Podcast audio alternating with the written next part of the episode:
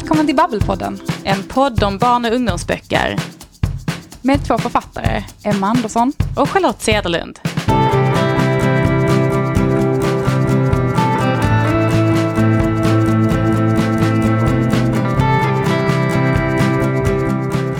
Charlotte, är du rädd för AI?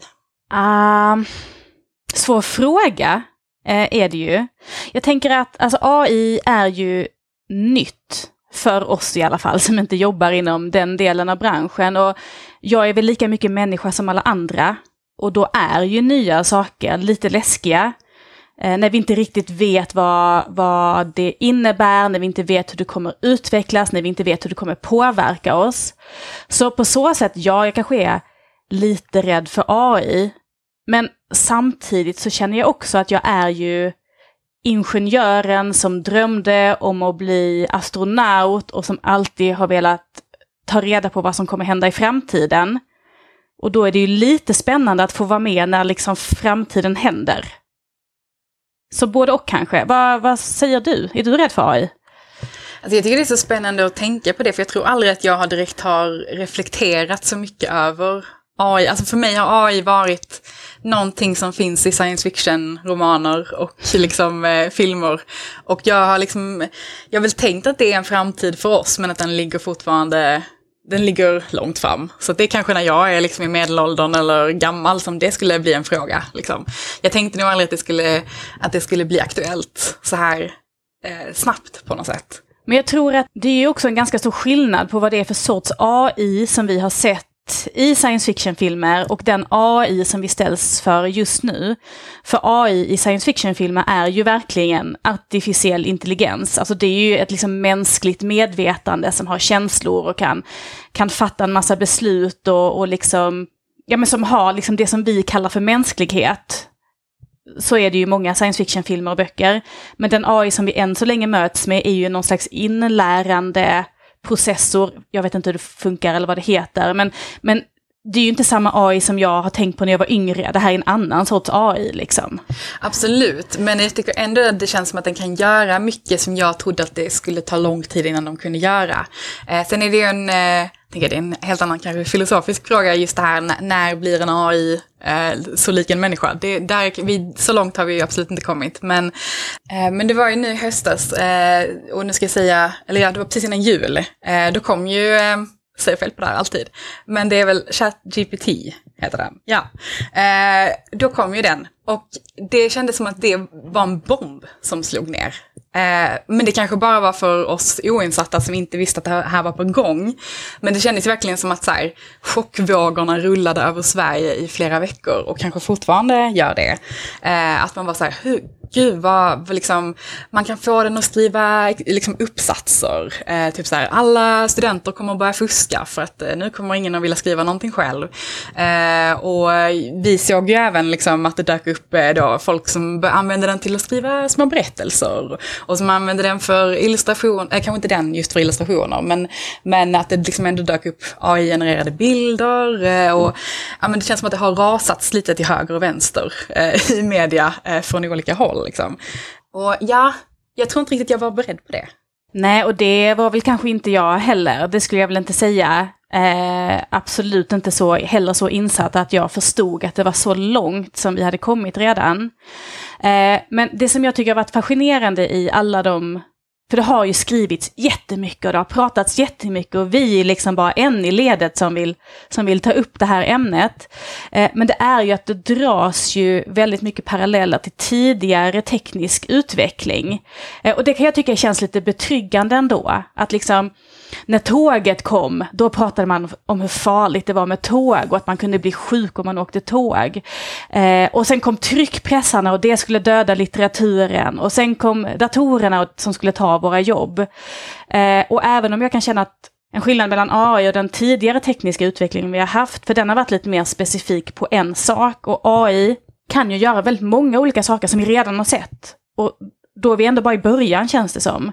Så det är klart att det är skillnad jag tycker ändå att det känns lite betryggande att tänka att, att på 50-talet så hade vi människor som hade liksom computertjänster. De satt och gjorde kalkyler, väldigt enkla basala kalkyler som idag datorer gör. Och det var jättejobbigt för dem att bli av med sina jobb.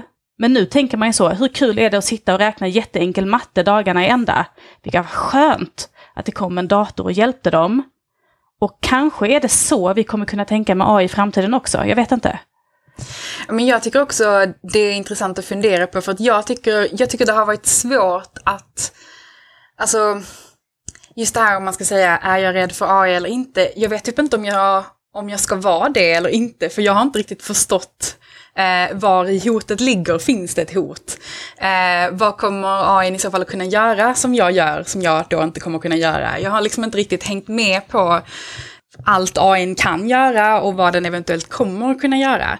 Har du det? Nej, det har jag väl inte. Eller det vi vet redan är ju att AI kan göra bilder och AI kan skriva texter. Eh, sen hur avancerade texter som går att skriva än, där har jag dålig koll. Jag vill ju säga att den inte kan skriva en roman än själv. Men det kanske inte ligger långt bort. Alltså, eh, utvecklingen går så otroligt fort just nu. Eh, så det är svårt att veta vad som händer om ett år och om fem år. Men vi tänkte ju därför att det hade varit kul att ta reda på det, helt enkelt. Ja men precis. Eh, vi har bjudit in tre stycken gäster till podden idag som ska hjälpa oss att försöka bena ut lite om vad AI är, vad är det för hot, vad är det för möjligheter? Eh, och de som vi kommer att prata med idag, det är Jörgen eh, Gasilewski, som är vice ordförande i Sveriges författarförbund. Vi kommer att prata med Josefin Svenske, förläggare på Rabian och Sjögren. Och med Hannes Videteg, som, ja, han ska helt enkelt få berätta för oss vad AI faktiskt är och kan. Precis. Men då tycker jag vi, vi drar igång. Ja, men det gör vi.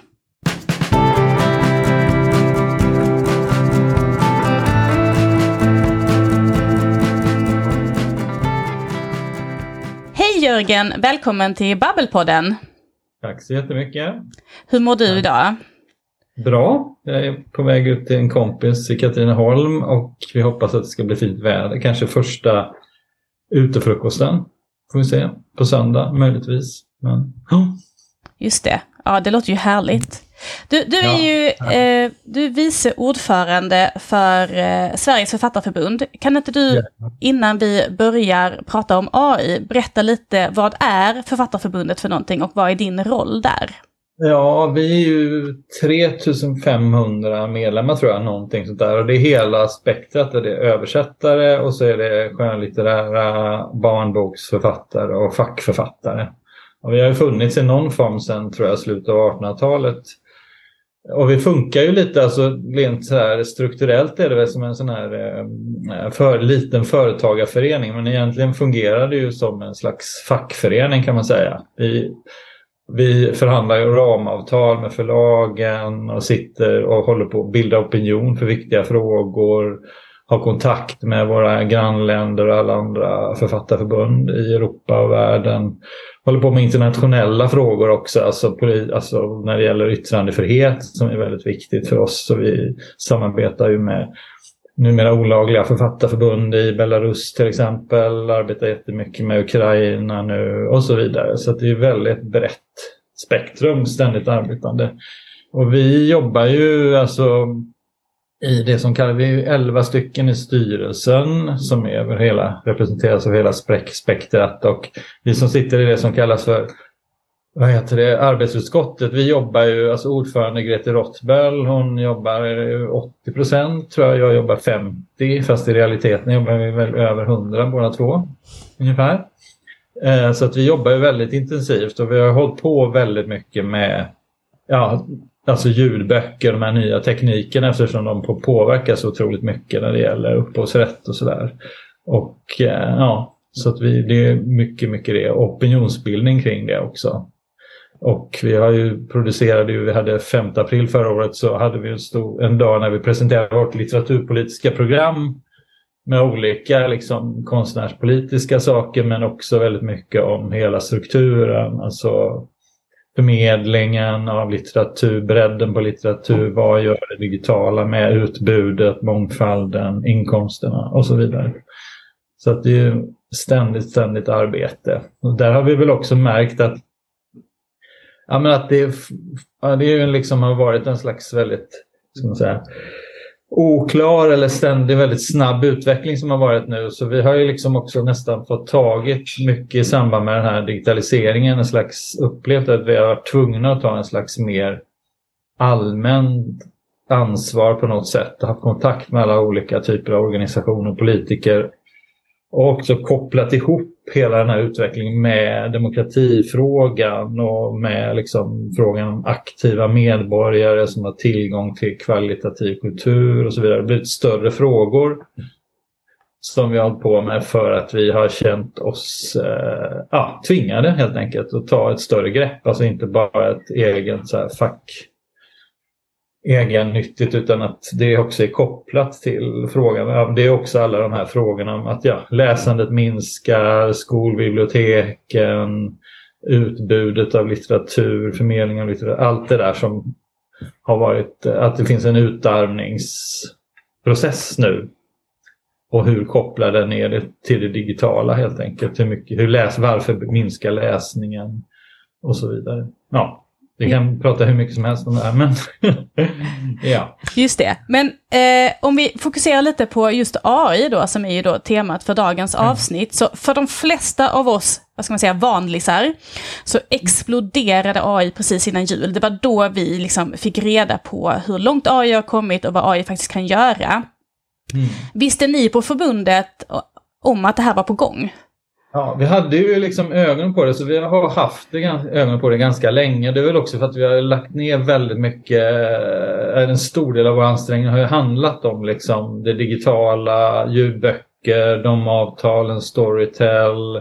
Så vi har ju liksom, och inte minst juristerna har ju varit väldigt fokuserade på den biten eftersom den ja, det slår så otroligt hårt då mot, mot upphovsrättsinnehavarna och utbudet och att man känner att det är väldigt mycket ja, en företagslogik som också alstrar fram den här tekniken. Och där handlar det om rationalisering ofta och också om att man då så att säga rationaliserar bort saker som förmedling, upphovsrätt och så vidare eftersom det är kostnader, eftersom det är kompetenta personer som gör det och då då, då kostar det också pengar helt enkelt. Och det vill man helst ha bort. Och det är ju liksom den här så att säga tredjehands... Det är de som dominerar. Det är ju techbolagen, det är streamingtjänsten och så vidare som är längst ifrån den så kallade produktionen. Så att man är, vi har ju känt det väldigt tydligt att det har varit en slags sån ja, en rationaliserings och kapitaliserings och den typen av logik som har legat bakom de här utvecklingarna. Att det har varit den starkaste kraften. Liksom i mm. det. Och det har ju gjort att vi har haft ögonen på det väldigt mycket. Just det. Men du, jag tänker lite så här att utvecklingen av AI, den eh, verkar gå så otroligt fort och jag vet att man pratar om att teknikutvecklingen som vi har nu i modern tid, den är nästan eh, mm. exponentiell. Alltså det går så fort att vi har svårt att hänga med. Eh, och då känns det ju jätteviktigt att ni som ett förbund har koll på vad det är som händer, när händer det och hur påverkar det då era mm. medlemmar. Men hur gör ni för att ens försöka hänga med när det går så himla fort? Ja, vi har ju, vi, vi har ju liksom nyhetsbrev som vi prenumererar på. Vi har koll på, som i USA där det nästan är mest eh, utveckling nu, att de håller på precis nu och haft en en ny lagstiftning som handlar precis om det här. Alltså Copyright Office håller på med det i USA och vi har också börjat läsa tekniktidskrifter, också ofta amerikanska, för att liksom förstå vad det här handlar om och vilka resultat det är. Washington Post har till exempel skrivit mycket bra initierade artiklar om det här. Så att vi har ju det som en slags högsta prioritet. Och det är väl också att vi har ja, visa av det här ljudboksutvecklingen och den digitala utvecklingen generellt och vad det har gjort med sättningar och förskjutningar i både ekonomisk cirkulation och frågan om yttrandefrihet och frågan om, om upphovsrätt så har vi liksom visa av det haft väldigt mycket fokus på det här. Inte minst juristerna hos oss. Då. Just det. Men vad skulle ni säga är den största utmaningen nu när ändå AI redan liksom har börjat föras in i bokbranschen och man kan ju bara tänka sig att det successivt kommer bli större och större. Vad är utmaningen då? Ja men den är väl liksom lite lik det här med, eh, alltså med ljudboksfrågan för det handlar ju egentligen inte om, det är viktigt att hålla sär där, alltså liksom, jag var ju med i en tidskrift som heter OI som är lite så här ska man säga, genreöverskridande. Vi höll på med E- e-dikter och digitalisering och hade ett stort nummer av det redan 2003. Så det handlar ju liksom inte om det här att det inte är intressant med den här typen av saker. Utan det handlar om affärsmodeller och det är otroligt viktigt. Och, och det, det handlar om det ekonomiska flödet, vilka dominerar och så vidare. Och där är det ju en slags kolonisering, ibland lite vanvördigt så, så liksom jag brukar likna det vid koloniseringen av Afrika. Liksom, att det, det är en slags fritt spelrum där. Det är en slags vilda västern situation där man kan exploatera liksom, upphovsrättsinnehavare och andra utan, utan att det har någon som helst kostnad. Det handlar ju om att det, det, är, liksom, eh, det är inte klarerat material som man hela tiden använder på olika sätt. Och det är väldigt tandlös lagstiftning än så länge och så vidare. Så att det är gefundenes fressen. Och sen så kan man då som den här, det finns ett nytt förlag som helt ska jobba med förlagsverksamhet som heter Svenska Reads. Som det kom någon artikel om ganska nyligen. Som då bara har en sån här välvillig inställning och pratar om att man ska liksom helt AI-genererat skapa böcker också till tredje världen i massa olika språk och så använder man bara den här typen av generatorer då för att frambringa de här översättningarna och sådär och skicka. Och det är ungefär samma sätt att prata om det som man gjorde när man skulle bibringa civilisation till länderna i Afrika under 1800-talet och 1700-talet. Så att det är en slags rovdrift kan man säga eh, i grunden väldigt mycket som ibland kläs i fina ord så att säga. Så att det handlar ju, och där är det ju det är samma sak som om, eh, vad heter det, ja men till exempel sökmotorer och sådär skulle ha varit eh, samhällstjänster, liksom, neutrala. Det är klart att det hade sett helt annorlunda ut då. Och där är det ju inte heller så att de här in, så kallade innovationerna och tekniska, de är ju inte heller neutrala. Teknik är aldrig neutralt och det skulle se annorlunda ut om det kom ifrån ett annat håll så att säga. Så på det sättet så är, finns det element som är väldigt oroande, inte bara för oss kulturarbetare, författare, barnboksförfattare och andra Eh, utan det är också allmänt samhälleligt. Det är därför som vi har kopplat ihop det med demokratiprocessen. För att det här är ju på ett sätt en slags stagnationsmaskin. Att man liksom så att säga skimmar redan befintligt material. Man kopplar bort människor från varandra. Eh, den här liksom förmedlingen människa till människa upphör. Maskiner börjar alltså också att eh, vad heter det, ja men att det digitala är ju så att säga platslöst. Jag menar när man försökte åstadkomma någon typ av demokratiseringsprocess på 1800-talet, då fanns det ett Folkets hus som brukspatronen kunde reta sig på. Det var en plats liksom. Nu kan man ha hur många sådana här oppositionella platser som helst eller hur mycket sådana här så kallade nätbubblor som helst utan att det behöver påverka någon struktur eller maktfaktor. Och så, där. så det finns ju massa sådana här ja, helt enkelt samhälleliga problem förutom de då fackliga problemen som man inte, ja, som alla är väldigt förvirrade kring och som man har tagit itu med i väldigt liten mån än så länge. Så på det sättet så är det ju liksom en, en eh, ja, det handlar ju om liksom enorma eh, ekonomiska snedfördelningar som, som liksom, eh, och väldigt olika, vad heter det, väldigt skilda maktförhållanden. Som är, det är det som är huvudproblemet. Så där tror jag det är viktigt att man inte stirrar sig blind på liksom tekniken, alltså med det man ska, bör stirra sig blind på, på något sätt, det är vad tekniken kan göra i termer av att så att säga föra över ekonomiska resurser från en part till en annan part. Liksom. Och vad som behövs för att skapa jämvikt kring det. Att det är det man borde titta på Just det. Just det. Och vad skulle du säga, alltså vad, vad arbetar ni med, med just precis nu för att försöka skapa den jämvikten eller att stärka upphovspersonernas position då när det kommer till den här utvecklingen? Ja, det är ju väldigt, alltså dels är det ju det här som vi har pratat om, alltså den här informationsinhämtningen som är jätteviktig och som går väldigt, väldigt fort. Eh, som ni har, har sagt. Liksom. Och sen så är det ju också en viktig sak är ju som vi också har hållit på med när det gäller eh, ljudböckerna, det är ju liksom en slags opinionsbildande både, alltså inte minst mot politiker och där finns det ju ett problem just för att det finns väldigt mycket information kring vissa saker, kanske inte kring AI men kring ljudböckerna, kring också skolbiblioteken. Alla, alla utredningar är klara, all information finns, det ska bara tillföras liksom eh, resurser helt enkelt över tid. Och där är det ju mer eh, prioriteringsfråga att man inte, politikerna har inte förstått och allmänheten har inte förstått vikten av det här, hur viktigt det här är, vilka, vilken, liksom, ja, vilka potentiella liksom, katastrofer som det här kan innebära om man inte reglerar det på rätt sätt och hanterar det på rätt sätt och så vidare så kan det bli enormt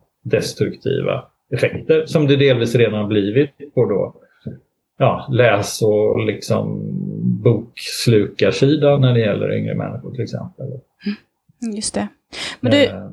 ja, jag tänker så här att när vi det finns mycket oro, känner vi i branschen, när vi ja. pratar med våra kollegor, när vi hänger i olika grupper på sociala medier. Det pratas väldigt mycket om det här hela tiden.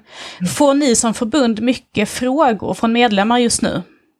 Ja, vi får ju frågor hela tiden tror jag. Så det är ju liksom på sätt och vis är det ju, alltså om det har varit ljudboken som har sysselsatt oss allihopa mest nu eh, så är det ju av de här liksom ak akut aktuella frågorna så är det ju AI som börjar smyga upp som en god konkurrent till det liksom nu.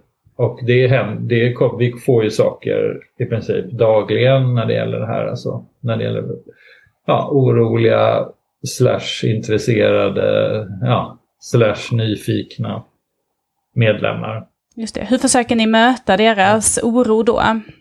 Nej, vi försöker väl berätta just, alltså dels har vi ofta vad heter det, ja, men samtal där man just försöker bena ut för att det är inte bara, det är inte bara allmänheten eller så här, utan även många yrkesverksamma som ibland har svårt att just skilja på liksom saken i sig, alltså det spännande, möjligheterna kring AI, hur kan man göra med en illustratör och så vidare och utvecklingen så att säga då kring det här. Och de här rent ekonomiska, strukturella, upphovsrättsliga, samhälleliga aspekterna. Och att de liksom ibland tenderar att så att säga ja, skapa, skapa otydligheter kring det här. Liksom. Vad handlar det egentligen om? Det, det känns som en väldigt viktig sak och en viktig uppgift för oss. Både inom förbundet gentemot medlemmar och också i relation till politiker och allmänhet. Mm, just det. Men du, jag tänker så här, när man försöker tjuvlyssna lite på förlagen och hur de ser på AI så verkar de eh, just nu eh, ändå se det som någonting eh, lite spännande, ganska positivt. Man kan kanske ta in någon som korrekt, en AI som korrekturläser, man kan ha AI som gör omslagen, man kan ha AI-genererade röster när man gör ljudboken och alla de här sakerna innebär ju i så fall ganska mycket kostnadsminskningar för ett förlag som skulle kunna vara gynnsamma, gynnsamma för förlagen i förlängningen förlängningen. Försöker ni också titta på om det blir en sån utveckling, hur man behöver stärka förhållandet mellan upphovspersoner och förlag, om förlagen börjar använda AI mer? Eh, absolut, absolut. Det, är ju, det har ju varit ett, jag menar, det är ju en slags ytterligare en, ett exempel på ja, både möjligheter och spänningar mellan förlag och eh, författare, upphovsrättspersoner och Författarförbundet. För att det har ju varit också hela den här diskussionen om DSM-direktivet, till exempel det här transparensdirektivet som kom från EU som klubbades i Sverige och hur man ska tolka det. Där är det ju fortfarande så att det är många förlag, framförallt större förlag, som då är fortfarande ovilliga att lämna ut exakta siffror som är vidarebefordrade då från de här streamingföretagen. Eh, utan tycker att den information som nu finns till exempel är tillräcklig. Eh, så där handlar det ju om att man inte, att man, och det är väl det vi har känt också, att man måste man måste, alltså att det finns en brist på, de sitter ju, alltså förlagen är ju lite som att de är på två ben eller sådär. I, I Sverige är det ju så otroligt tydligt eftersom Storytel äger Norstedts och, eh, och Bonniers äger Bookbeat, liksom, de här två största ljudboksförlagen och där känner man ju verkligen att det är, de, de står på, de vill gärna behålla liksom författarens aura, den personliga författaren och så vidare. Och sen samtidigt så vill man liksom eh, tjäna så mycket pengar som möjligt. Och när det gäller ljudboken så är det ju så att det också är ett nordiskt fenomen. Jag menar Storytel har försökt ute i världen men det går inte så bra. Och till och med amerikanska stora företag som The Random House de vill också ha styckepris och inte den här två semlor för hela världslitteraturen som Bookbeat gick ut med till exempel.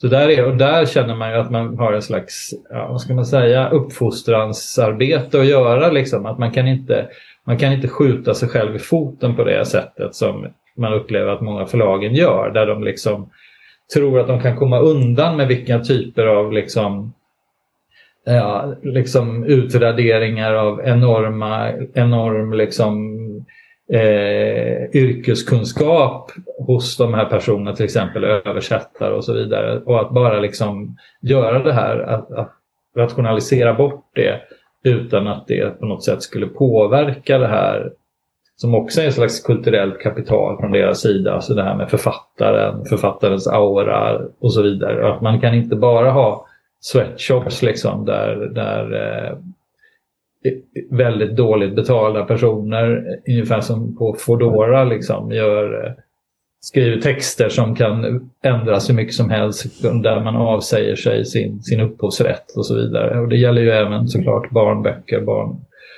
ungdomsförfattare, illustratörer och så vidare. Det är ju liksom en, eh, ja, om inte det sköts rätt så är det ju ett absolut skräckscenario skulle jag vilja säga. Mm. Absolut. Ja. ja, det hoppas vi att vi inte kommer fram till. Men du, som en sista fråga då. Eh, hur tycker du att dagens författare och upphovspersoner kanske bäst kan förbereda sig för den här teknikutvecklingen och den framtid som ändå kommer komma förr eller senare? Jag tror att det är liksom för mig, alltså det som jag är väldigt så fixerad vid eller fokuserad vid, det är ju liksom på något sätt eh, menar, opinionsbildningen och den här egna förståelsen. För det har funnits en väldigt märklig, liksom, från det digitala gjorde inträde, att det blev allting är fritt där eh, och så vidare. Att man kan bara ha tillgång till det och alla de här sakerna är typ av utveckling och det finns en slags Ja, det är nästan som en, det har fortfarande, sen har det blivit en slags dystopisk backlash då, men det har ju funnits en slags liksom nästan ja, befrielseteologi kring det där som är så fruktansvärt långt ifrån verkligheten. Och det finns så fruktansvärt mycket problem med det här. Som i väldigt, väldigt stor utsträckning har med just eh, ekonomiska intressen att göra. Vem är det som styr det här nya Afrika? Liksom? Vad är det, vad är det, vem är det som har pengarna? Är, är liksom de här jag menar, det är ju också det hela liksom att, att eh, ja, stånd, den så kallade ståndscirkulationen, fördelningen, alltså de här rikaste i USA, att det är en slags samhällsstagnation samtidigt som det är en stagnation på andra håll också. Och det har man hela tiden lätt i termer av utveckling, man ska inte vara, liksom alla författare som försvarar yttrandefriheten och så vidare är, är bakåtsträvare såklart och vill inte ge människor det de vill ha. Man vill inte att folk ska ha tillgång till varandra. Man vill inte att folk ska ha tillgång till hela världslitteraturen och så vidare. Så det är en form av väldigt, väldigt kraftig eh, ja, des, både desinformation och eh, ja, man, man liksom talar nästan i motsatta termer kring det här. Och den, den begreppsbildningen och det sättet att tala från alla håll skulle jag upplever jag nästan som det viktigaste av allt. För att det skulle också kunna få till en ja, mentalitetsförändring och en beredskap både från yrkespersoner men också inte minst från allmänheten. Jag menar allmänhet och politiker. Det är också en otroligt viktiga spelare i det här. Just det, så att det här att allt finns gratis på internet, det är per automatik inte frihet, utan det kan nästan vara tvärtom. Ja, det är motsatsen eftersom det är människor. Uppenbarligen har det visat sig att det är vissa som tjänar pengar på det helt enkelt. Vissa gör det och vissa gör det inte alls. Och det liknar ju en del andra ekonomiska strukturer i historien skulle jag säga. Just det. Mm. Eh, tack så jättemycket för de eh, avslutande orden Jörgen och tack så jättemycket ja. för att du vill vara med i podden här idag. Ja, men tack så jättemycket.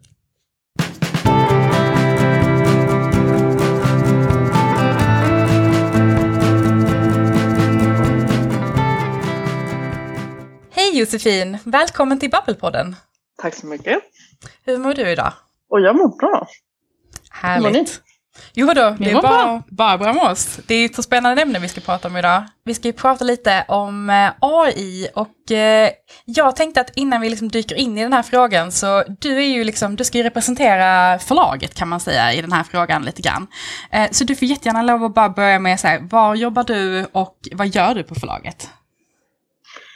Ja, jag jobbar på Rabén och Sjögren som är ett barnboksförlag som ger ut allt från liksom pekböcker och pussel och spel till ungdomsböcker för nästan vuxna eller vuxna. Eh, och jag jobbar specifikt med bilderböcker och tecknade serier, eller framförallt faktiskt med bilderböcker för barn 0 till 6 år. Saker som är bilddrivna eller liksom för de yngre. För jag kommer själv från liksom bild och serietecknarhållet så det är liksom min expertis. Vi ska ju dyka in i AI-frågan då. Och vi har pratat lite här innan med, med Jörgen Grasilewski på Författarförbundet och vi sa just det till honom att eh, strax innan jul så kan man väl säga att eh, AI exploderade lite när eh, ChatGPT blev en stor snackis eh, för alla oss eh, som läste, läste artiklar i media mycket. Eh, för det började cirkulera överallt och även då bland våra kollegor i, i bokbranschen. Eh, och du som är just förläggare på ett av liksom, Sveriges stora förlag, hur bra koll hade förlagsvärlden på AI och visste ni liksom vad som var på gång? Ja, vad som var på gång. Alltså när man jobbar på ett stort förlag som är, liksom, det är väl eh, Sveriges äldsta och så vidare, eh, barnboksförlag, så är, man tar saker med ganska mycket med ro. så, eh, så det, vi har ju koll på läget men vi kanske inte är så lättskrämda heller. Eller liksom, Eh, man lutar sig tillbaka och väntar på att se vad som ska hända. Och det gäller både med liksom, eh, Amazons intågande i Sverige och med AI att vi, vi har en lite tillbakalutad hållning. vad man kan säga. Så det var varken eh, skräckslagen förvirring eller liksom eh, hurra, utan det var någonstans där i mitten? Ja, alltså det händer ju alltid spännande saker. Det är en av de roliga grejerna med att jobba i bokbranschen tycker jag. Att det händer saker hela tiden som är intressanta att snacka om och fundera om eh, kring. Liksom, filosofiskt men också politiskt och så vidare. Men just det här med AI tyckte inte jag var... Det är inte det stora som har hänt i år, tycker inte jag. Men hur är, hur är, skulle du säga att synen har varit på, på AI? Har man liksom pratat om det någonting inom förlaget? Vad, vad det skulle kunna vara för möjligheter med det exempelvis? Eller, eller om det liksom på något sätt skulle kunna vara ett hot mot branschen som det ser ut just nu? Ja, alltså på, nästan allt kan ju vara eh, både ett hot och en möjlighet lite beroende på hur man ser det. Jag tror inte jag tror inte AI är ett hot. Jag tror snarare att det är en möjlighet. Alltså, om man, om man, om man får liksom eh, zooma ut lite så när eh, liksom, kameran kom så blev jättemånga mm, porträttmålare eh, arbetslösa. Och nu när AI kom så, eh, alltså jag vet inte. Jag tror inte så många kommer att bli av med jobbet nu när AI kommer. Jag tror att det är bara ett, ett, ett till verktyg att jobba med. Alltså kreatörer kommer att ha jobb oavsett. Liksom. Eh, så. Så jag tror, jag tror snarare att man kan välja att se AI som ett hot om man har lust, men jag tror att man ska se det som en möjlighet snarare. Eh, så. Vi har ju hört lite om, eh, ja, men man kan väl säga att vi har hört lite viskningar liksom om att det finns förlag som redan har börjat använda sig av AI, exempelvis för omslag, eh, även liksom börjat kanske testa och se om det skulle gå att illustrera en bok till exempel med AI och, och sådär. Ha, har ni liksom börjat använda AI på något sätt eller eh, ni, ni avvaktar fortfarande och ser vart det tar vägen? Men vi har inte börjat arbeta med AI, men vi arbetar med kreatörer som är, liksom, är nyfikna och jobbar eh, och testar olika AI-grejer. Så det är inget som vi på förlaget håller på med, men våra formgivare och våra illustratörer som liksom är i framkanten på allt som händer, liksom, som köper de senaste pennorna och den senaste mjukvaran, är såklart jättenyfikna också på vad det här skulle kunna erbjuda för möjligheter. Liksom. Hur kan man eh, Eh, jobba med en bild eller kan man få fram ett uttryck som man är ute efter liksom, extra bra eller på ett annat sätt med AI. Men vi själva som förlag jobbar inte med det, men vi jobbar med jättebra kreatörer som är nyfikna. Liksom. Eh, man kan säga. Så vi har liksom inget så bra AI, vi har inget bra exempel som jag kan dra upp. Det här är helt eh, AI-genererat, det har vi inte.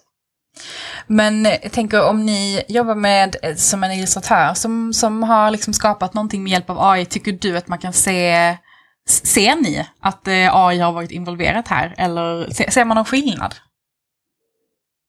Jag har inget sådant exempel där jag vet att AI har varit inne och grejat. Men det är ju liksom, jag tycker det är en, om en gråskala. Om, om något är tecknat för hand är det då liksom inte är det då är det upphovspersonens eget. Men är det inskannat, när blir det liksom maskinen? Om det är ritat helt digitalt, är det, är det liksom maskinen eller hjärnan och handen bakom? Alltså det där är så himla spännande och också, också lurigt. Vi har liksom haft eh, upphovspersoner som har jobbat med collage liksom sen alltså 60-70-talet. Skulle inte det vara på riktigt då? Skulle, liksom, skulle Gunilla Bergströms urklippta liksom, jultidningar, skulle det inte vara hon som har inte gjort de illustrationerna då? För att det är liksom fotat, i en jultidning från början. Eller eh, mönstret på eh, eh, liksom Inger och Lasse Sandbergs eh, Laban, om det är utklippta mönster från en eh, veckotidning, det är de som har skapat det då. Skulle inte dagens illustratörer och formgivares liksom, bilder som de har skapat, oavsett hur de har gjort det, vara deras då? Alltså, det är ju, det är ju snarare en fråga om upphovsrätt tycker jag, än just AI skulle jag säga. Och det är egentligen det jag tycker är mer intressant. Vad, vad händer med upphovsrätten? Vad händer med liksom, eh, kreatörerna och eh, upphovspersonernas rätt till sin egen, sina egna verk och sin, egna, liksom, sin egen estetik? Det tycker jag nästan är mer intressant än själva vad kommer AI ta våra jobb? Vad händer med de här maskinerna som snart kan tänka själva, eller som redan kan tänka själva. Eh, så, så jag är väldigt nyfiken på vad Författarförbundet och vad illustratör, liksom facken, svenska tecknare och så tänker om det här och vad som, vad som kommer hända i framtiden. Eh, med just upphovsrättsfrågan. Liksom. Men hur tänker ni på förlagen kring upphovsrättsfrågan? För jag tänker att det är, jag tror att, att eh, ofta i sådana här frågor så, så tror jag att vi författare ofta upplever att det är förlagen som har makten. Eh, det, det, är liksom där pengarna finns, det är ni som har möjlighet att påverka avtalen eh, och sådär. Eh, så hur, hur tänker förlagen kring, kring upphovsrätten? Har man liksom börjat diskutera det eller eh, är det fortfarande också en fråga som man inte har kommit till riktigt än? Ja, det beror på lite vad man menar, men jag tänker att de absolut viktigaste personerna för ett förlag, förutom då läsarna, är just upphovspersonerna. Att om inte upphovspersonerna har några idéer och liksom är autörer, har något att berätta, så har förlagen ingen roll alls. Liksom. Eh, så visst, det, det, det, finns makt i de publicistiska liksom, förlagen och eh, visst, vi sitter på kontrakten och liksom, eh, har boklagren och, och står för distribution och allt sånt där. Men den egentliga makten, dens röst som blir hörd är ju upphovspersonens och liksom autörens. Eh, och den eh, liksom rätten är ju heller, alltså, vad ska man säga, det är ju den egentliga eh, det svårdefinierade och liksom oekonomiska rätten vatten. Att det, det, som finns i era hjärnor finns bara just där. Eh, så. Än så länge ja. Precis, än så länge. Än så länge, ja. Det, men, ja. Men det är väl det som är lite spännande också för att, för att det, är ju, det är väl det man än så länge känner att man kan luta sig tillbaka på. Att, så här, eh, att vi, vi kan fortfarande skapa någonting som eh, som en dator eller en AI inte kan. Eh, men du, Charlotte, testade ju ChatGPT lite grann, alltså har testat och se om den kan skriva berättelser just. Eh, och vi, vi har väl fått känslan att så här, romanskrivandet är fortfarande ganska så långt bort. Men att, att eh, en AI kanske skulle kunna få ur sig just typ ett bilderboksmanus, alltså något lite lättare.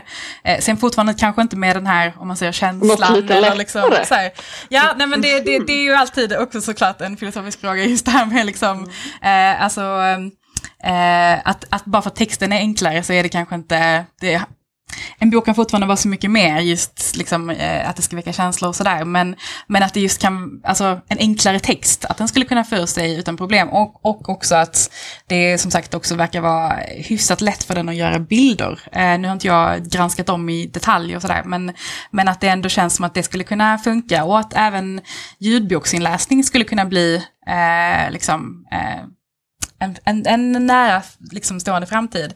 Eh, alltså, tror vi att vissa Ja. böcker, typer av böcker är mer hotade än andra?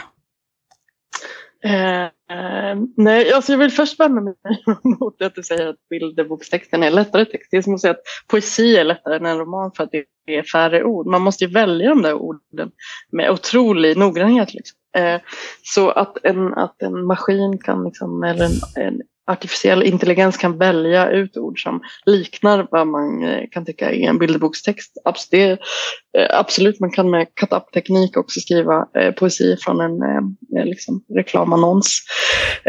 Men att det ska bli riktigt, riktigt bra krävs ju något mer. Och det gäller både för liksom, dikten, bilderboken och romanen, tänker jag. Och sen skulle jag nog säga, om man, texterna som, eh, som de här AI eh, eh, har producerat har man ganska snabbt kunnat så här, ja men eh, Vissa har man sett att de har någon eh, textualitet som inte riktigt stämmer. Det är något som liksom skaver. Men de bilderna som de här eh, som är AI-genererade är så pass nära eller så lik de, den estetiken som många idag som jobbar eh, digitalt med bildbehandling. Det ligger så pass nära att den perfektionen eller det här liksom riktigt putsade, det, där är vi nästan redan i estetiken för de som i, jobbar, de människorna av kött och blod som gör, skapar bilder och formgivning. Så det, det, det är svårare tror jag att upptäcka den liksom, Eh, glappet där för att estetiken ligger så pass nära.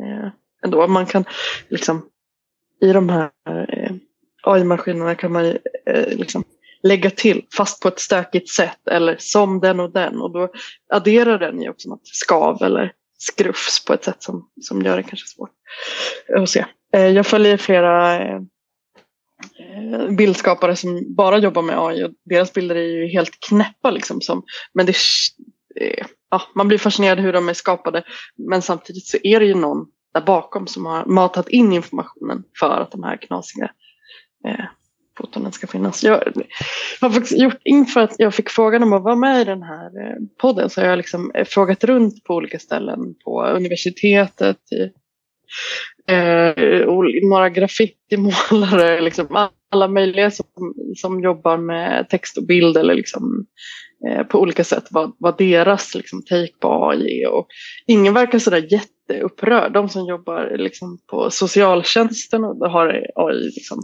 eh, skannrar i del av sitt jobb, de som jobbar på universitetet och får in uppsatser, de som jobbar med gatukonst, alla är liksom lite så här, ja men det kommer vi märka, det där kommer ju ske, alltså det där är ingen eh, en stor fara. Faran är väl kanske i, vad som ska hända, vad, liksom, vad händer efter det? Om, det? om det här blir något som stora företag anammar eh, och vad, eh, om man liksom hoppar över eh, personernas egen, upphovspersonernas eller skaparnas liksom, roll i det hela. Om reklamen liksom sker, ja, om företag driver eh, frågan att ta bort upphovsrätten. Det är väl där som jag är mer orolig. Ja, men det känns ju som att, alltså, sådana här tekniska, eh, sån här teknisk utveckling är ju nästan alltid ekonomiskt driven på något sätt. Och det är ju, det är ju, tänker man ju, stora företag som skulle kunna ha väldigt mycket att vinna på att använda AI till en mängd olika tjänster, därför att personlig kompetens tar tid, kostar pengar. Vi måste få kompetensen, vi måste använda den kontinuerligt, vi måste utveckla den. Tänk om du hade en dator som kunde göra det på en millisekund och liksom att utvecklingen inte bara handlar om att läsa två böcker utan 10 000 böcker och förstå hur mycket bättre man kan bli. Varför ska då det här företaget betala mig eh, för att skriva en bok som tar tre år? Eller göra illustrationer som tar liksom flera, flera månader eller skriva texter till deras hemsidor, vad det nu än är. Och det är, där, det är väl där tror jag rädslan någonstans grundar sig i att, att liksom alla vi som jobbar som konstnärer, vi tycker ju att det här det mänskliga, det konstnärliga, kopplingen till människan, det är viktigt. Men kommer alla som ska köpa produkterna tycka det? Och jag tror det är där vi blir rädda, att vi, att vi kanske skulle kunna bli utkonkurrerade. Ja, men det finns ju ändå en beställare bakom de där. Eh, liksom. Det är alltid någon som har eh, eh, skrivit innehållsförteckningen i det som sen ska AI genereras i, varken i text eller bild. Alltså det är någon som har tänkt ut själva eh, blandningen eller vad man ska säga. Eh, och det kanske fortfarande måste vara en person. Eh, eller som behöver inte det. Jag vet inte. Jag kom i ett intressant samtal med en person som också hävdade så här, men eh, om det här liksom tar över, om de stora företagen eh, börjar jobba med det här så kommer ju eh, de som har ett upphovsrättsskyddat material, till exempel Disney eller vidare, de kommer ju med sina enorma eh, liksom, eh, arméer med eh, advokater sätta dit alla som försöker göra något som ser ut som Musse Pigg eller Kalanka. Eh, och det kommer ju stabilisera det här för då kommer man ju ändå inte kunna eh, vara inne och bråka med något som redan har en stark upphovsrätt.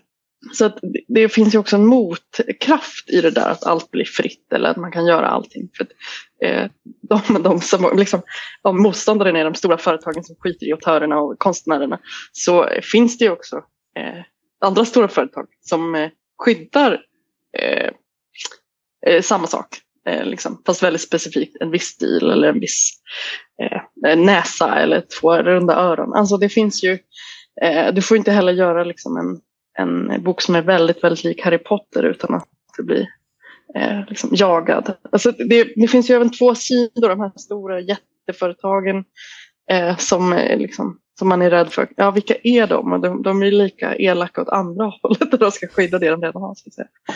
Eh, och där är ju Sverige pyttelitet och barnboksvärlden inte någon jättehaj heller. Liksom. Eh, men visst, man kan se, alltså som första eh, frågan är så här, man kan se det som ett hot eller en möjlighet eh, på massa, massa olika sätt tänker jag. Eh, och på ett sätt så kan jag tänka så här, om man Eh, jobbar som autör eller man skriver eller man vill skapa. Man, bara, man låtsas att man bara har ett liv till exempel. och man bara har si och så många eh, eh böcker eller bilder i sig. Att man, vilka väljer man att eh, göra då? Om AI är ett stort hot. Eller liksom vilka berättelser skulle bara jag kunna göra? Vilka bilder kan faktiskt bara jag skapa? Att man fokuserar på dem. För de kan ju faktiskt AI eh, producera. Yeah man gör det också lite för sin egen skull. Tänker jag. Ja, verkligen. Förstår ni vad jag menar? Ja, det, alltså, ja. det är en väldigt intressant tanke, just, just det här att vad, vad har jag då som är... Ja, man kanske tvingas tänka ännu mer på, på vad är det hos mig som är unikt? Eller liksom vad är det bara jag kan åstadkomma som, som ingen annan skulle kunna göra? Ja, intressant. Ja, men vad säger man, man ska skriva en eh, ungdomsbok. Ja, men det ska vara så en skolungdom. Ja, ah, okej. Okay. Eh, som eh, kanske, alltså som eh, är olyckligt kär, eh, som eh, har en eh, ledsen mamma. Bla bla. Alltså, det blir ingen bra historia. Man måste ladda det med tusen, tusen, tusen, tusen saker för att det ska bli intressant. Alltså, det kan till synes eh, se väldigt lätt ut, men det är inte så himla lätt för att få det till en komplex, eh, berörande historia som liksom gör att man känner sig speglad men som också har ett skav eller något som gör att det känns unikt och eget. Alltså det där är ju en hel det är en hel värld av beslut. Ja, men när vi, när vi eh, eh, bollade frågor kring det här, jag och Charlotte, så, så eh, var vi lite inne på det. Eller jag, jag försökte likna det vid så här, eh, när jag spelat piano en gång i tiden. Jag var verkligen inte bra. Men, men eh, jag har liksom både då eh, varit på, eh, liksom, om man säger pianouppvisningar, där jag har hört någon som har kunnat spela en låt perfekt, men det har liksom också fått mig att känna saker. Och jag vet liksom inte riktigt varför. Medan det är någon som har kunnat spela helt rätt. Men det finns liksom ingen känsla i det. Eh, alltså just det här att, att det är kanske det som avgör om, eh, om en text är bra eller inte. Att man, har, att man kan lägga i någonting i sig själv och sen kanske man inte kan definiera vad det är exakt som gör att det får mig att känna någonting starkt. Men där är ändå någonting mer i texten än, än bara orden som står där. Liksom. Förstår du vad jag mm. menar? Absolut, jag håller helt med. Jag tror det är samma sak med bild. Att en bild som är väldigt väl välgjord eller som har liksom tekniska kvaliteter som man bara va? Vad är det här? Jag följer en Instagram-person som håller på med liksom, eh, frisyrer som har otroliga fotografier på, trodde jag, fotografier i början på skitsnygga, ja, skitsnygga frisyrer på gamla människor med tatueringar överallt. Men så visade det sig att det var AI eh, genererat. Jag tyckte det är så otroligt imponerande tekniskt. Men det kanske inte är det som får mig att känna så himla mycket. Jag blir imponerad av den tekniska kvaliteten. Men det är kanske inte det som är liksom, eh, som spelar med mitt inre eller som får mig att ta beslut eller öppna min hjärna till eh, nya tankar. Liksom. Eventuellt får det, min, eh, får det mig att liksom klippa fri, en snygg frisyr eller så här, eh, ha lila läppstift ändå. Men jag menar det kanske inte eh, säger så mycket om vad det är att vara människa så som något som en annan människa har eh, tänkt och eh, gråtit över. Men samtidigt... Men vad vet jag, kanske en AI också kan liksom beröra. Men eh, det har jag inte upptäckt än. Så. Ja, men samtidigt så tänker jag att, vet du, att, att vi är ju också av naturen väldigt nyfikna av oss, alla människor. Och jag tänker att många är nog väldigt nyfikna på AI just nu. Och jag tänker att förlagen, eh, även om man också ska värna om eh, liksom, den konstnärliga liksom, känslan och sådär, eh, så handlar det också mycket om att sälja böcker. Eh, så som marknaden ser ut idag, tror du att det finns en marknad för böcker skrivna av AI? Är man intresserad av, skulle, skulle någon köpa en sån bok? Bara av nyfikenhet kanske? Eh, där det liksom i marknadsföringen var så här, den här är skriven av AI, att det skulle vara en så USP. Så. Eh, ja men det skulle, ja, om man går till sig själv, ja men det skulle jag nog vilja provläsa. Men kanske inte så här, fylla bokhyllan med.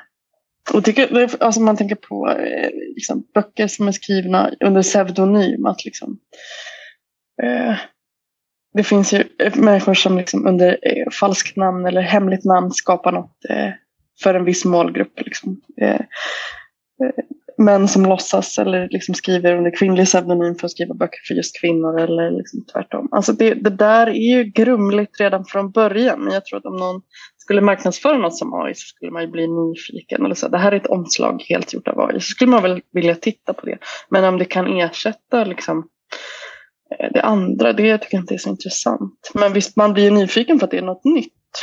Bara för det liksom. Visst. Och... Jag tycker att det är mer intressant ur ett politiskt perspektiv egentligen. Vad, om man liksom kan eh, ja, men om AI kan skapa en mängd saker som är liknande sig, som kan eh, skapa liksom en opinion eller om det finns många, det är liksom ett, ett sätt att leva eller en viss eh, politisk åskådning får större plats för att det finns mycket om något för att det är AI-genererat. Det tänker jag mer, ja, men känns mer intressant. Förstår ni vad jag menar? Liksom? Mm, absolut. Ja. Men som en avslutande fråga, eh, om du liksom får eh, sia lite om, om framtiden, vad tror, alltså, på vilket sätt tror du, tror du att AI kommer att vara till användning för förlagsbranschen? Och på vilket sätt? Det tror jag absolut. Förlåt, nu avbröt jag dig mitt Nej, det är ingen fara. eh, ja, det tror jag verkligen. Jag tror att de som jobbar som eh, illustratörer och formgivare och kanske till viss mån textförfattare, men framförallt illustratörer och formgivare eh, som ligger i framkant på det tekniska och liksom vad bildmediet är på väg redan. Eh, ja, men, anammar eller är nyfikna på det och vill testa och se vad som händer om de jobbar med det. Och det, det tror jag att vi kommer se mer av. Jag tror inte nu, nu, får ni rätta mig i framtiden om jag hade fel just idag. Men jag tror inte att förlagen kommer liksom hoppa över upphovspersonen utan att det, är, eh, det, att det finns eh, jag tror att i framtiden kommer illustratörer och formgivare kanske jobba en del med AI för att förverkliga vissa idéer som är svårare att göra via bildbanker eller genom att sitta med papper och penna. Att man kan liksom använda AIs genererade liksom, kunskap för att få fram vissa saker. Kanske storyboard-tecknarna, de kommer nog få det tufft. För det är ju typiskt som AI-syssla, tänker jag. Att dra fram ett storyboard. Eh, som ju är text från början som man ritar upp för att sen kunna bildsätta. Så det är väl det jag tror kommer vara eh, svårt. Eh, men så jag tror att AI kommer finnas men eh, som ett verktyg i en större verktygslåda eh, i framtiden. Tror jag. Kommer du använda AI i ditt jobb tror du?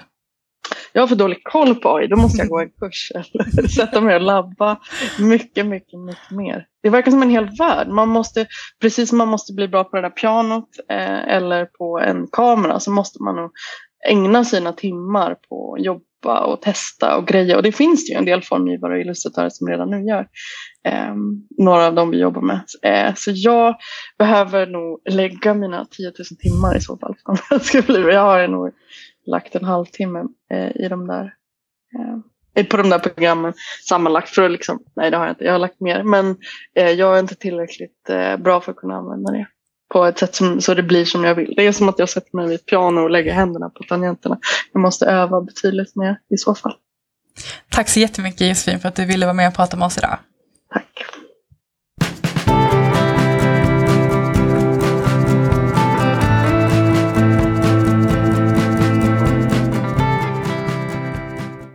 Hmm, vad säger du nu Emma? Mer eller mindre rädd? Alltså jag vet inte. Jag tyckte att eh, ja, men det kändes som att de hade mer koll än vad jag tänkte att de skulle ha. På något Mm. sätt.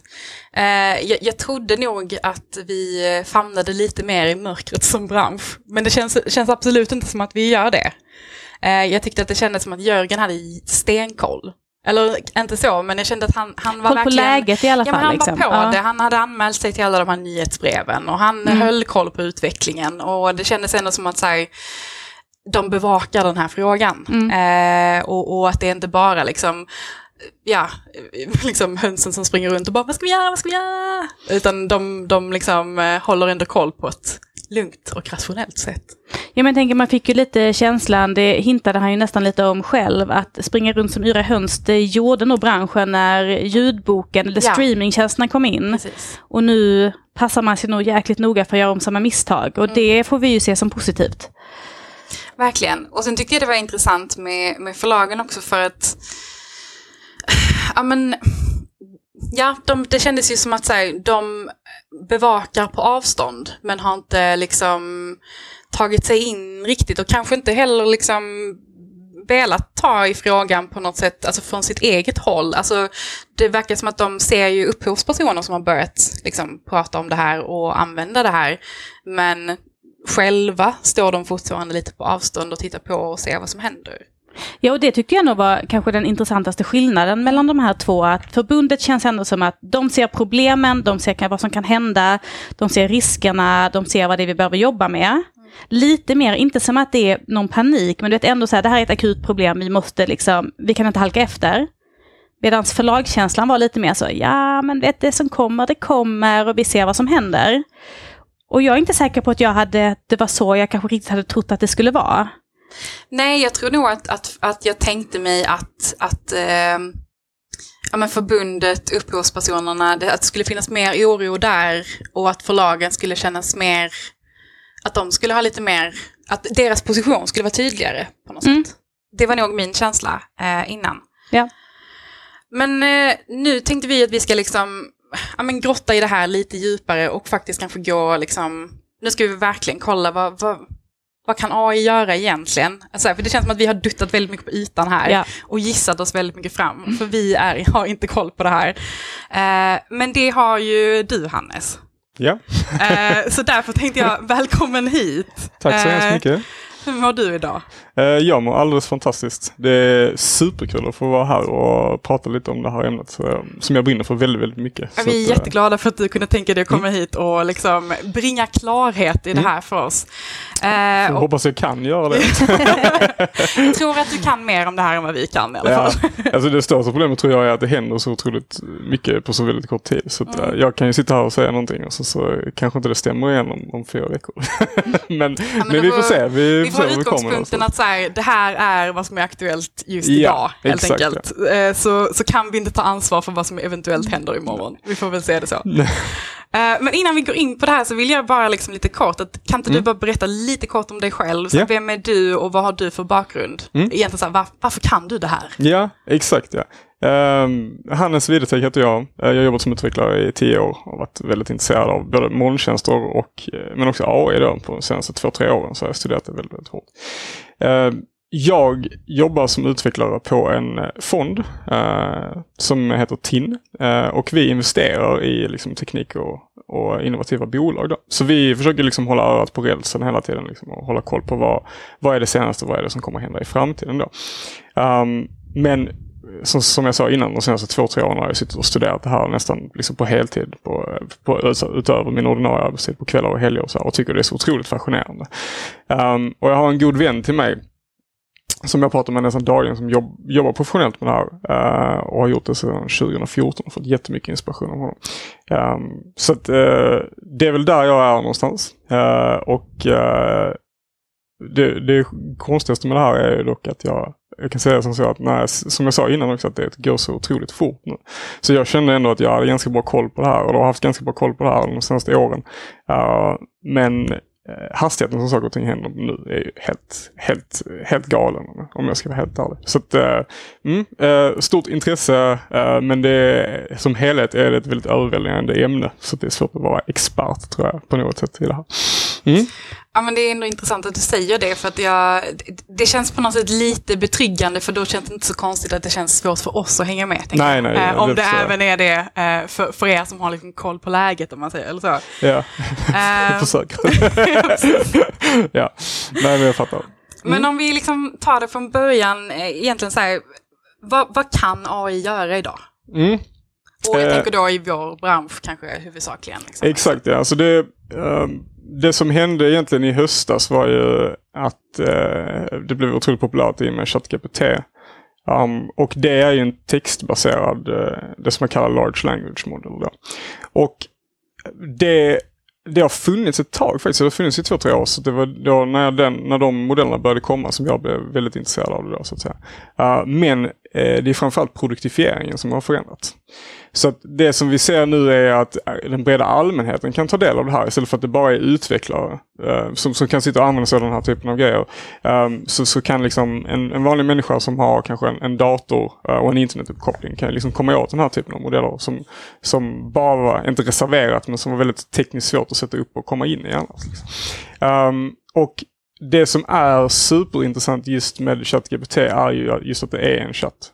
För modellen bakom, alltså GPT-modellen egentligen, det är egentligen en, man skulle kunna, den enklaste förklaringen skulle jag kunna säga är att det är en um, superavancerad autocomplete. Så, så, så när man tänker att ni autocompletar ett ord när ni, som ni skriver i telefonen. Så, så fortsätter ni med nästa ord efter det och så fortsätter med nästa ord och fortsätter med nästa ord. Och det är så de här large language modellerna fungerar. Att de tar liksom summan av det som har skrivits sedan tidigare och sen så lägger den bara till och bygger på. Så den är otroligt, otroligt avancerad autocomplete egentligen. Uh, som är väldigt, väldigt, väldigt bra på mönster. Um, och då när du det är svårt att produktifiera den, och det var svårt att produktifiera den, men den funkar otroligt bra som en chatt. För det är ett ganska naturligt sätt att kommunicera människa till människa, att man, att man chattar med varandra. Och eftersom den är väldigt, väldigt bra på att gissa vad du tror att du vill att den ska säga, så, så blir det automatiskt att det känns väldigt genuint. Då. Så att, uh, det, där är vi i dagsläget och så är det ju med majoriteten av uh, de andra modellerna också som även gör av de här Uh, Eh, alltså även bilder och, och, filmer och sånt också. Att det är ju tränat på en massa data som finns tillgängligt på internet. Så den kommer aldrig någonsin vara riktigt, riktigt bättre än den totala summan. Men den kommer vara snabbare kanske än en, än en vanlig människa på att liksom räkna ut det rent matematiskt. Så att säga. Um, så det är den, typ den enklaste förklaringen för var vi är någonstans just nu. Men det är fortfarande ganska komplext att förklara det. Jag tror det är nog det, det bästa sättet jag kan förklara det på, på kort tid. Mm. Men alltså, ja men du var ju lite inne på det här, att det här mm. har ju mm. liksom ändå kanske funnits eh, alltså en längre period än mm. just liksom eh, den här chocken som jag ändå upplever att det blev i, i höstas, liksom, yeah. när, när eh, ChatGPT kom. Eh, men liksom, Visste ni att just den här, alltså att den här chatten var på gång? Visste ni att liksom detta skulle komma? Uh, nej, alltså funktionaliteten som sagt har ju funnits. Det har jag ju liksom suttit och studerat ganska länge och så här. Men, men sen är det ju alltid med, med den här typen av teknologier handlar det ju framförallt om hur man gör det tillgängligt. Alltså hur du produktifierar det. Och chatten är väldigt, väldigt lätt att förstå liksom, för människor för att det är en chatt. Liksom. Uh, eh, Medan AI har egentligen funnits i olika former eh, sedan länge. Jag vet inte om, om ni har en mobiltelefon så kan man ju idag söka till exempel på hund i mobiltelefonen och då får du upp alla hundar. Liksom, så att säga. Och det är i grund och botten en, en, en AI-modell fast den används för att klassificera istället för att generera.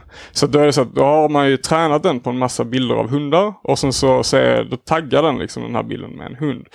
Um, och det har ju funnits ganska länge. Och, så det, det stora breakthroughet nu egentligen är att man kan göra tvärtom. Att du kan liksom gå från Alltså att den genererar någonting åt dig. Det vill säga att den genererar en text eller den genererar en bild utifrån den texten som du skriver till den istället för, för tvärtom. Då, så att säga. Um, så vi visste ju om att det här skulle komma men inte att det skulle komma så fort och inte att det skulle eh, bli sån hype kring det. För att innan så har ju folk varit ganska rädda för vad de är kapabla till, alltså AI-modellerna och sånt där. Men ChatGPT har man lyckats inte bara producera på ett lätt sätt som gör att Eh, det är lätt att förstå. Utan det, man har även lyckats instruera modellen egentligen på ett sätt som gör att, att den kanske inte spottar ut sig en massa skräp eller är väldigt, beter sig illa eller, eller så. För det har man gjort tidigare. Tidigare försöken har ju, har ju inte blivit så bra av den enkla att ja, Tränar du på all data som finns på internet så finns det ganska mycket skräp på internet. Och då blir det lätt att du får skräp ut ur modellen också. Så du måste vara väldigt noga med hur du filtrerar modellen i slutändan. Så det är inte bara modellen i sig utan också hur du paketerar den och hur du filtrerar den liksom, så att säga, för att, för att få bra slutresultat. Just det, och det känns ju som de har lyckats med, för den är ju väldigt trevlig. Ja, exakt ja. och det är väl det som är grejen, att innan så har man varit rädd för att göra den här grejen. Men de, jag tycker det de har lyckats bra med, att de har lyckats göra den så att den, den beter sig som en, kanske en assistent eller någonting sånt överhuvudtaget. Men, men det man ska tänka med de här modellerna är att den kommer alltid skriva så som du förväntar dig att den ska skriva. Den försöker ju bara eh, göra det så, så, så bra som möjligt för dig. Liksom.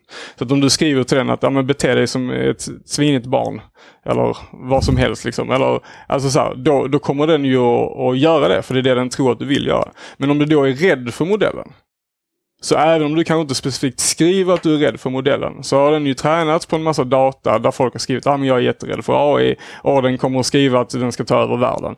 Och då kommer den ju skriva det tillbaka till dig för det är det den tror att du vill ha. Liksom. Så då blir det ganska naturligt att man blir rädd för dem om man inte paketerar det väl och om man inte liksom filtrerar det väl. Liksom, så, så det är samtidigt läskigt och, och fascinerande eh, på ett sätt skulle jag kunna säga. mm.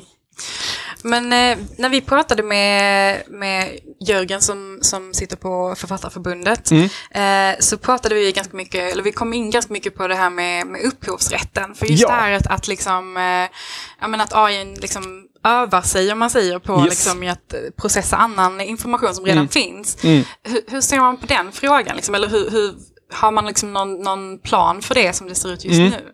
Eh, det där tycker jag är den mest intressanta delen av hela den här diskussionen. För att eh, en AI är inte så annorlunda än en människa egentligen. För att om, om man tänker sig att en människa sitter och Eh, som jag gav exempel till dig för några dagar sedan. Här. Det här exemplet har jag fått från internet så nu kan jag statea det också så att, så att du inte tror att jag snor någonting av copyright. Men eh, det var någon som beskrev det som att om du har sett eh, tusen bilder på tigrar och du har varit ute och tittat på tigrar i olika sammanhang och sådär.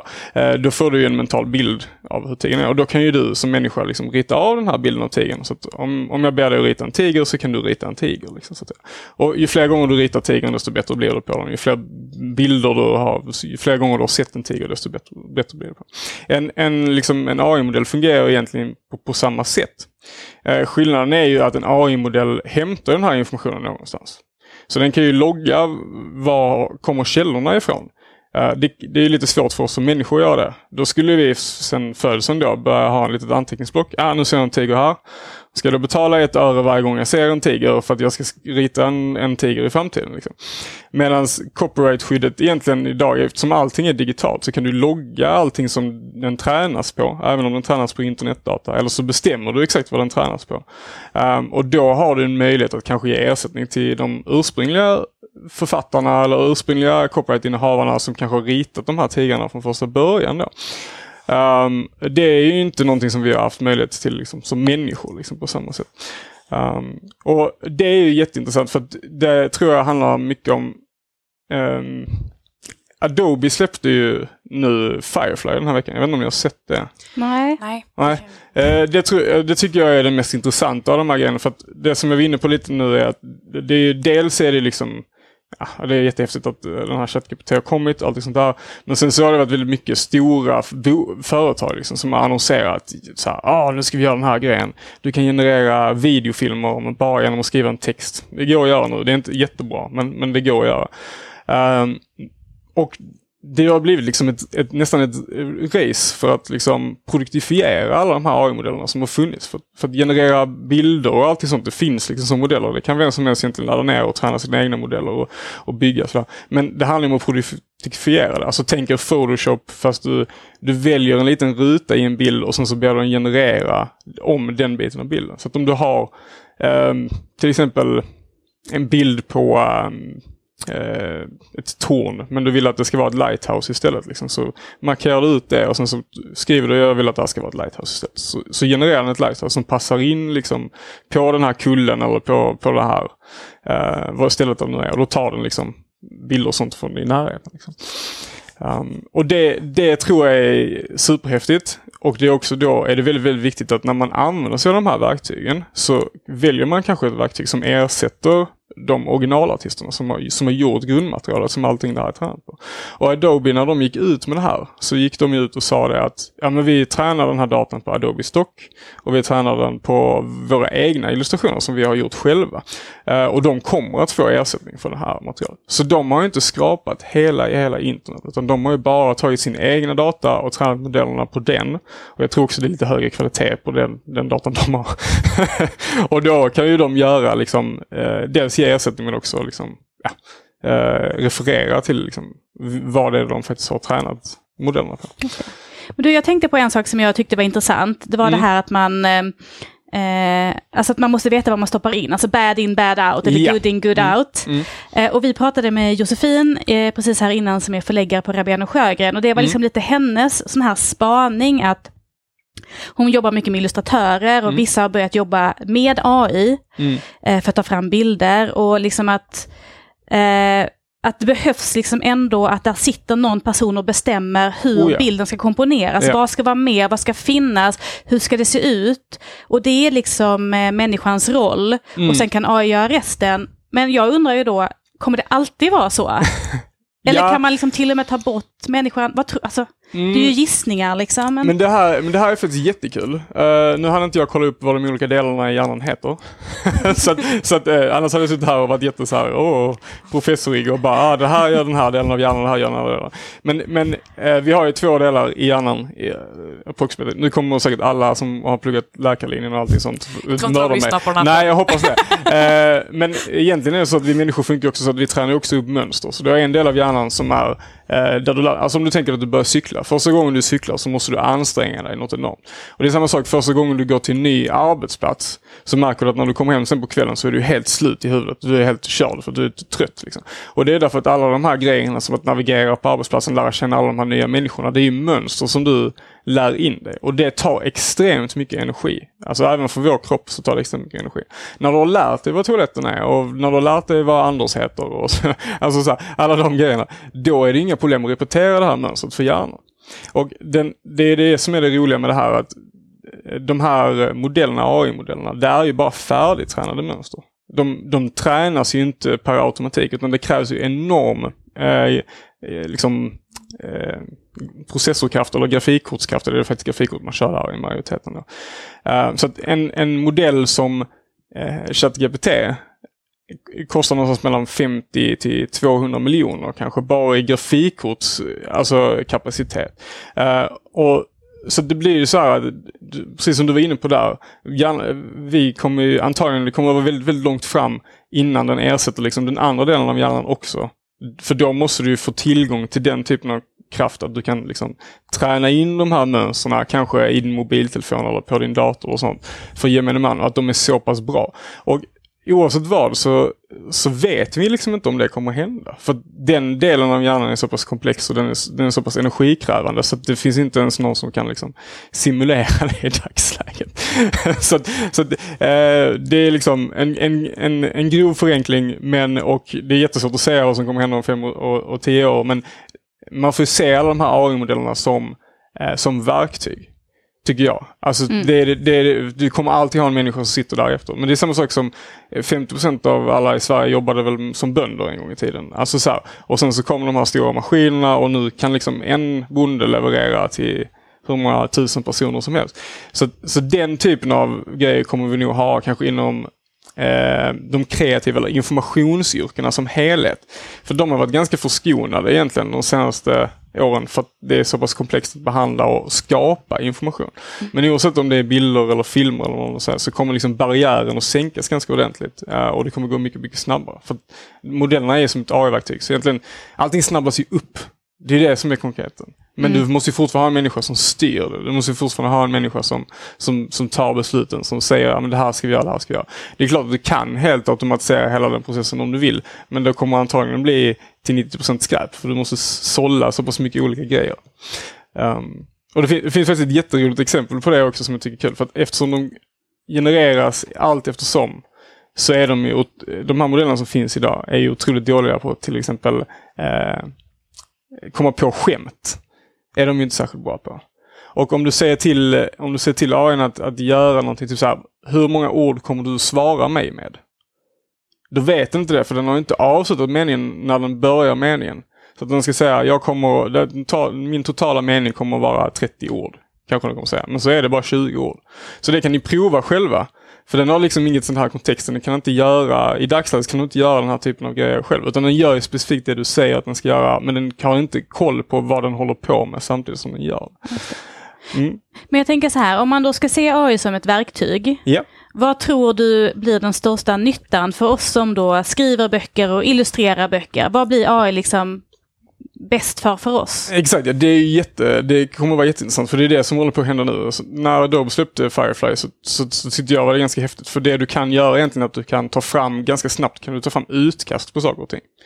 Så du tar ju fram, liksom, om man skulle säga en text, den kan inte generera, den kommer inte kunna generera en hel bok, det kommer inte bli bra. Liksom. Men däremot så kanske du kan generera utkast på saker och ting. Så att om du har kanske ehm, ett creative block, att du sitter där i flera timmar och inte har liksom bara, ah, jag vet att jag vill göra typ det här. Liksom. Då blir den här som ett, ett bollplank. Och jag brukar se det som att de, de är, i dagsläget i alla fall så är de inte så supersmarta, men det är som att ha kanske en junior designer eller en junior copywriter Uh, som är väldigt, väldigt ettrig, så här, som vill väldigt, väldigt, väldigt mycket. Liksom. så att, så att om, du, om du ser till den här juniordesignen, bara ge mig ett utkast på det här. Då springer den runt och fixar det här jätte, jättefort, för det gör det så här på millisekunder. Liksom. Eh, uh, Medan den kommer aldrig kunna ta det hela vägen. Ja, åtminstone i dagsläget. Ja. Uh, och det tror jag är det som är grejen. Man får ju se det som att man har en armé av väldigt juniora copywriters eller en armé av väldigt juniora designers. Så, så skulle jag skulle kunna se det. Liksom. Um, mm. Det låter ändå positivt tycker jag. Det känns som att helt plötsligt kommer jag ha en liten assistent som jag liksom inte behöver betala för. Det kanske du behöver.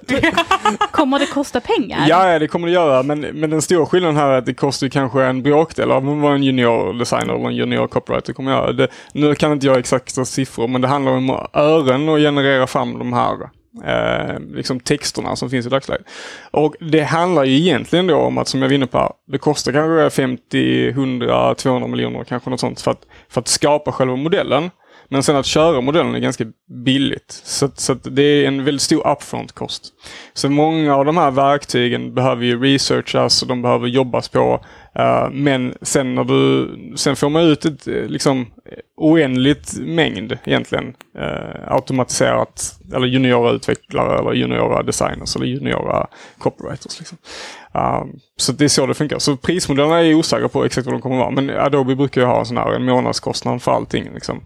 Uh, så kanske det kommer finnas en cap på hur många bilder du får generera per dag eller något sånt istället. Liksom, eftersom de måste köra det mot deras server. Mm. Så den här skräcken om att liksom eh, AI skulle utkonkurrera människan och utkonkurrera liksom konsten. Mm. Vi behöver inte vara rädda för det, skulle du säga. Nej, och, och det är av två anledningar, åtminstone i dagsläget. För den, den har ingen generell kunskap. ChatGPT 4 som släpptes nu bara för några veckor sedan.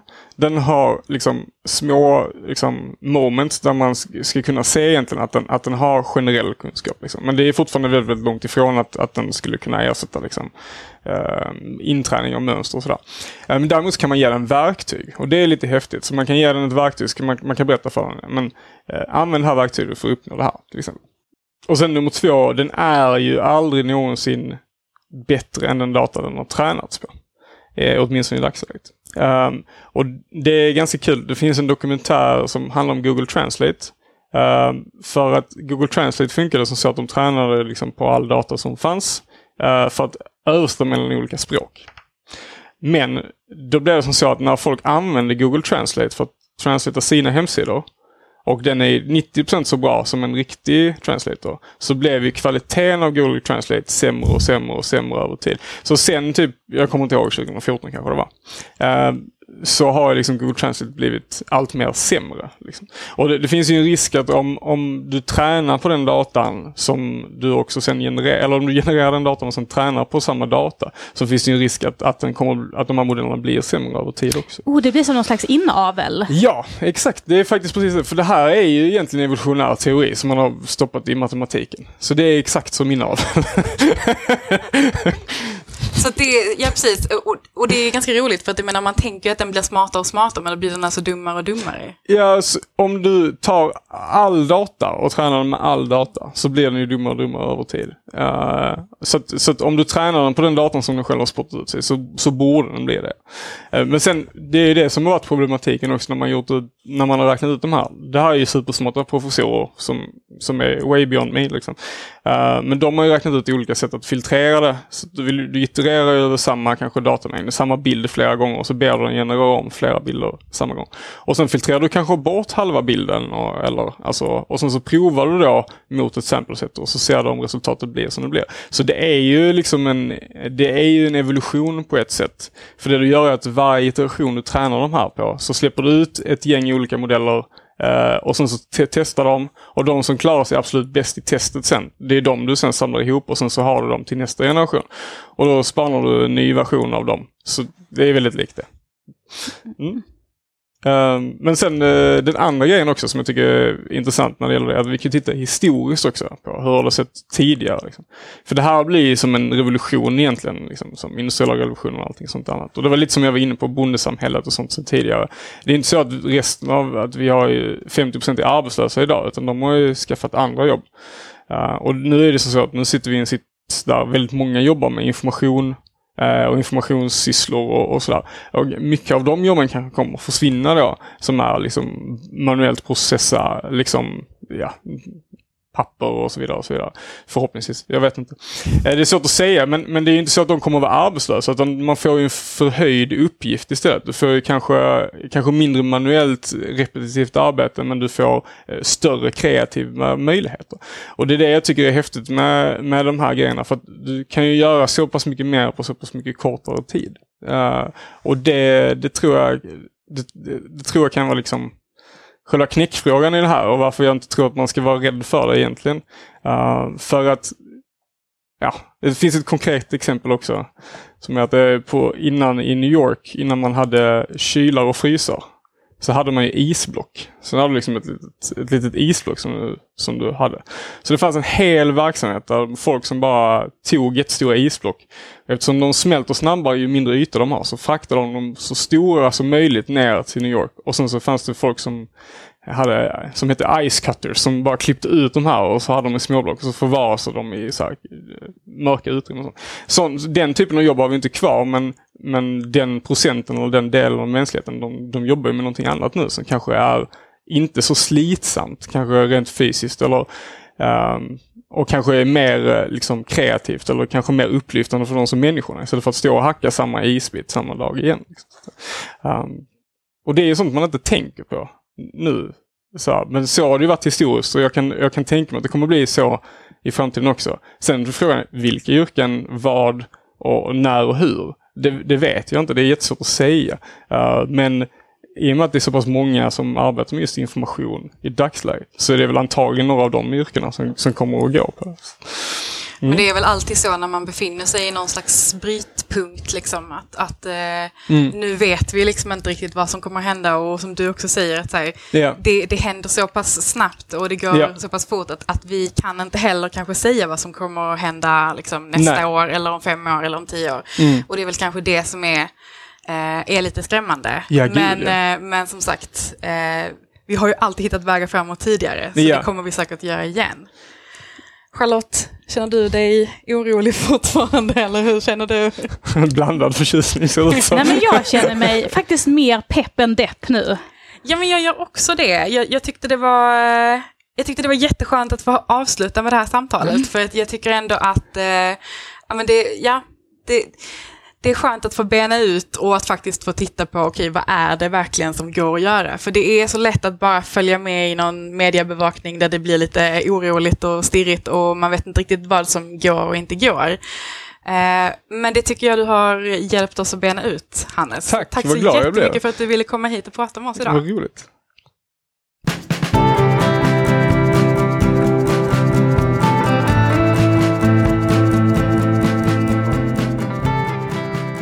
Blir det boktips!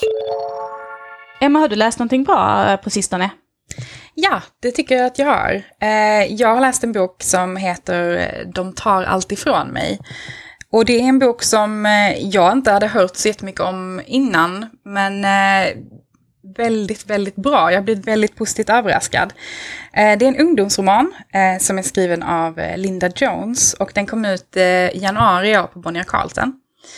Och jag ska försöka att berätta om handlingen typ så lite som möjligt. För att jag, jag tyckte att det var en vinst att inte veta så mycket om den. Eh, men det handlar om eh, 15-åriga Frida som precis har tagit jägarexamen. Eh, och hon har också kommit med då i byns jaktlag där hennes mamma är jaktledare. Och Frida är då liksom en väldigt skicklig skytt och hon har drömt om att få jaga hela sitt liv. Det är liksom det här hon har sett fram emot alltid. Eh, så har nu har hon tagit ledigt från skolan och så ska hon vara med på sin första älgjakt. Eh, men precis när jakten ska dra igång så dyker då Länsstyrelsen upp och förstör allting.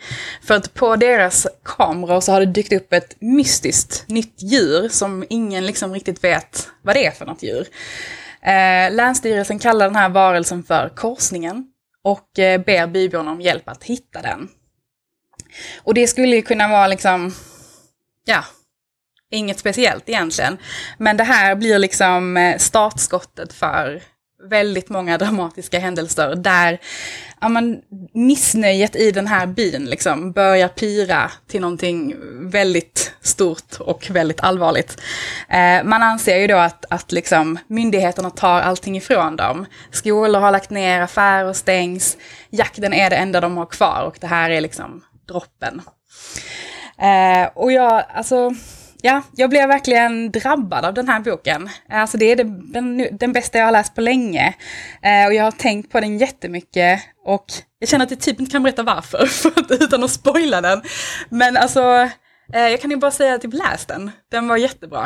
Eh, det är typ allt jag vill säga, typ, känner jag. Eh, den gick liksom från så här, högstadieigenkänning, Linda Jones och jag är typ jämngamla, så vi har nog haft samma liknande högstadieupplevelser till typ någonting som jag absolut inte hade väntat mig. Eh, så eh, läs den bara. Men gud vad roligt, alltså jag, jag trodde inte att det skulle vara en bok för mig, men nu när Nej. du berättar om den så tänker jag att jag måste låna den. Ja, men lite, lite samma var det för mig, att jag var såhär, ja, älgjakt, kan det vara något för mig? Men eh, Det nej, var det. Det var det, det var det verkligen. Gud vad roligt. Eh, har, har du läst något bra, Charlotte? Ja men det har jag. Jag har läst en jätte, jättegullig bilderbok som heter Kakorna i slut. Och som är skriven av Ulrika Kestere, som ju faktiskt var vår allra första gäst här i podden. Ja. Back in the days. Och eh, boken riktar sig till barn i åldern 36 år och har kommit ut på bokförlaget Opal. Och den här gulliga bilderboken handlar om hunden Pelle och katten Lollo som är vänner och som bor tillsammans i ett väldigt, väldigt stökigt hus som de verkligen, verkligen borde städa. Men städa är ju så tråkigt. Och om de bara hade lite godis att stärka sig med, eller kakor, då kanske de skulle kunna städa. Men både godiset och kakorna är slut. Och vad gör man då? Mm, ja, men då kanske man bakar. Men det är rätt svårt att baka när inga ingredienser är där de ska. Eh, men kanske kan de få pannkakor från räven. Eller stjäla lite sirap från ekorren. Ja, nej, alltså det går inte så bra för dem. Och det slutar mest med kladd och ännu mer stök. Och så här fortsätter liksom boken med vännernas jakt på sötsaker och ett städat hus. Och jag gillar det verkligen, för att städning är, det är inte min grej. Och det har aldrig varit min grej. Och jag känner jätteofta, precis som de här två vännerna, att jag behöver belöningen innan jag börjar städa. Så det är liksom, ja men det här är en perfekt bok för mig. Och Ulrika hon skriver och illustrerar med så himla mycket humor att det här är en berättelse som är, det är omöjligt att inte ta den till sig. Och som alltid så är Ulrikas illustrationer helt fantastiska. Det är färg, det är detaljer, det är rörelse och det finns hur mycket som helst för barnen att titta på. Det finns till exempel en rutschkana i vännernas kök. Det finns stora gråa åskmoln som flyger runt på himlen och säger akta och oj oj oj. Och det finns en vulkan som sprutar godis. Så jag rekommenderar den här boken varmt, verkligen till alla. Eh, för jag tror att den här boken kommer gå hem lika bra hos de som gillar att städa och de som kanske inte gör det då, som jag. Underbart. Alltså jag tycker ju Ulrikas bilder också är helt magiska. Jag skulle vilja typ drapera ett barnrum med dem. Alltså de är fantastiska. Vad roligt. Men det här var ju allt från oss idag. Eh, vill ni vara med i den eh, spännande AI-diskussionen med oss så får ni jättegärna lov att eh, höra av er och eh, ja, men, skicka ett mail till oss, lämna en kommentar eller skicka ett DM eller något annat kul så tycker vi det är jätteroligt. Eh, men ni får ha det så bra. Hej hej!